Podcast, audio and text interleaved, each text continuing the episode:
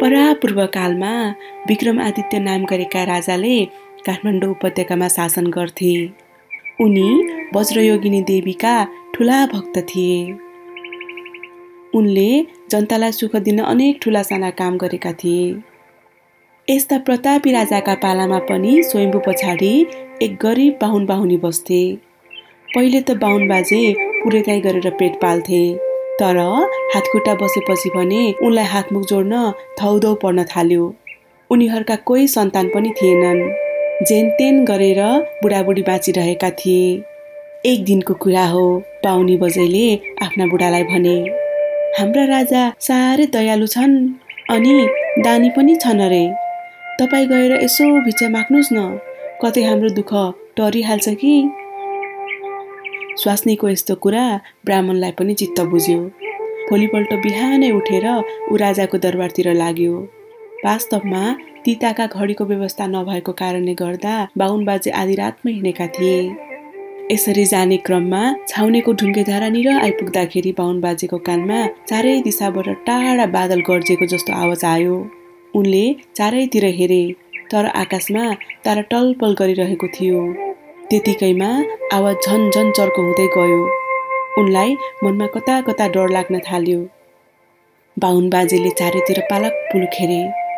यसरी हेर्दा छाउनीको छेउमा एउटा पार्टी देखे र उनी दग्गुरेर पार्टीभित्र पसे। केही समयपछि त्यही चोकमा चारैवटा दिशाबाट चारजना राक्षसहरू हाहा हो हो गर्दै कराउँदै आउन थाल्यो। त्यसपछि उनीहरू त्यहाँ गलैँचा बिछ्याएर पासा खेल्न थाले। बाहुन चाहिँ पार्टीभित्र भएर थरथर कामदै चियाइरहेको थियो। जब बिहान पख हुन थाल्यो दैत्यहरूको खेल सकियो। र उनीहरू हाहा हुहु गर्दै कराउँदै त्यहाँबाट हिँडे।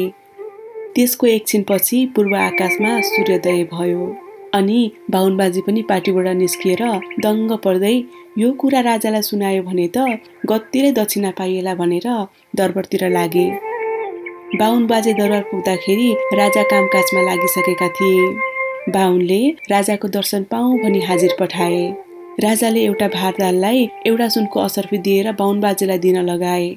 तर बाहुन बाजेले असर्फी लिएनन्। बरु राजासँग एउटा गोप्य कुरा बिन्ती चढाउनु छ भनेर फेरि समाचार पठाए। राजाले फेरि दसवटा असर्फी दिएर पठाए।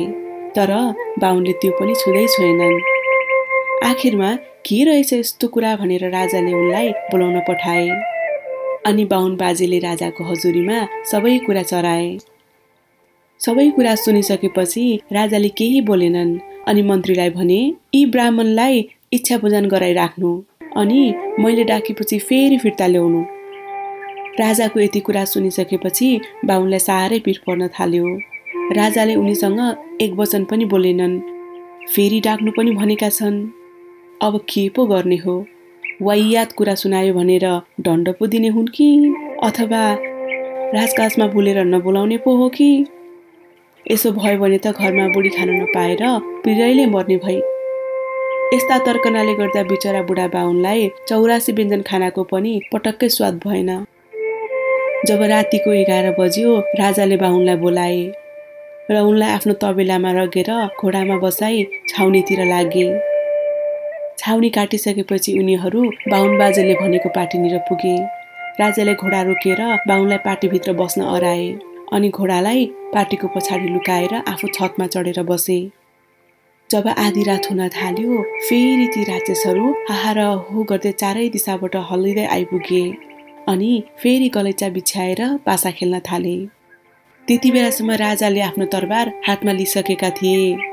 जब राक्षसहरूको पासा सुरु भयो राजा छानाबाट बुक्रुक्क हानफाले त्यसपछि दैत्यहरू झस्केर यसो हेरे। एउटा सानो कदको मान्छे देखेर एउटा दैत्यले भन्यो ए मान्छे हाम्रो खेलमा बाधा पुर्याउने त को होस्? तँलाई कानले कुतकुत्याएको हो? राजा विक्रम आदित्यलाई पनि वज्रयोगिनी माताको आशीर्वाद थियो अनि उनले दैत्यहरूसँग नडराइकन भने कालले त तिमीहरूलाई कुदकुत्याएको जस्तो समूर्ख हो म राजा विक्रम आदित्य हुँ। मेरो राज्यमा आएर पासा खेल्न तिमीहरूलाई कसले अनुमति दियो? म तिमीहरू चारैजनालाई तरबारले काटिदिन सक्छु। राजाको यस्तो सुर देखेर दैत्यहरू हच्किए र यो मामुली मान्छे पक्कै पनि होइन भने उनीहरूलाई लाग्यो। अनि उनीहरूले नम्र भएर राजालाई भने तिमी साँच्चीकै राजा विक्रमादित्य हौ भने आऊ हामीसँग पासा खेल।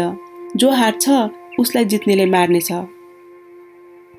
राजाले पनि पासा खेल्न बसे। यसरी खेल्दा खेल्दा रातभरिमा हारजित हुन सकेन। बिहान पख दैत्यहरू हतपताउन थाले। किनभने उज्यालो भएपछि उनीहरू त्यहाँ बस्न हुँदैन थियो। यसले गर्दा उनीहरूको चाल चुक्यो।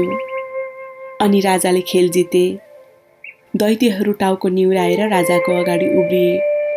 तर राजाले उनीहरू सबैलाई माफ गरिदिए र भने भइगयो मैले तिमीहरूको ज्यान बकस दिएँ। अबदेखि तिमीहरू यहाँ पासा खेल्न नआउनु। मेरो प्रजा तिमीहरूलाई देखेर तर्सन्छन्। तिमीहरू मेरो राज्यमा कहिले नपसे। दैत्यहरू राजाको दया देखेर खुसी भए। अनि परेको बेलामा राजालाई मद्दत गर्छौ भनेर बाचा बाँधे र त्यहाँबाट आफ्नो बाटो लागे। राक्षसहरू गइसकेपछि राजा पाटीभित्र गएर हेर्छन् त बुढा बाहुन डरले मुर्सिएका रहेछन्। राजाले उनलाई बिउजाएर कुरा बुझ्दा त बाजे राजा छानाबाट हाम फालेको देख्न साथ डरले बिहोस भएका रहेछन्। त्यसपछि राजाले उनलाई सबै कुरा सुनाए अनि दरबारमा लगेर जीवनभरिलाई पनि धन सम्पत्ति दिई पठाए।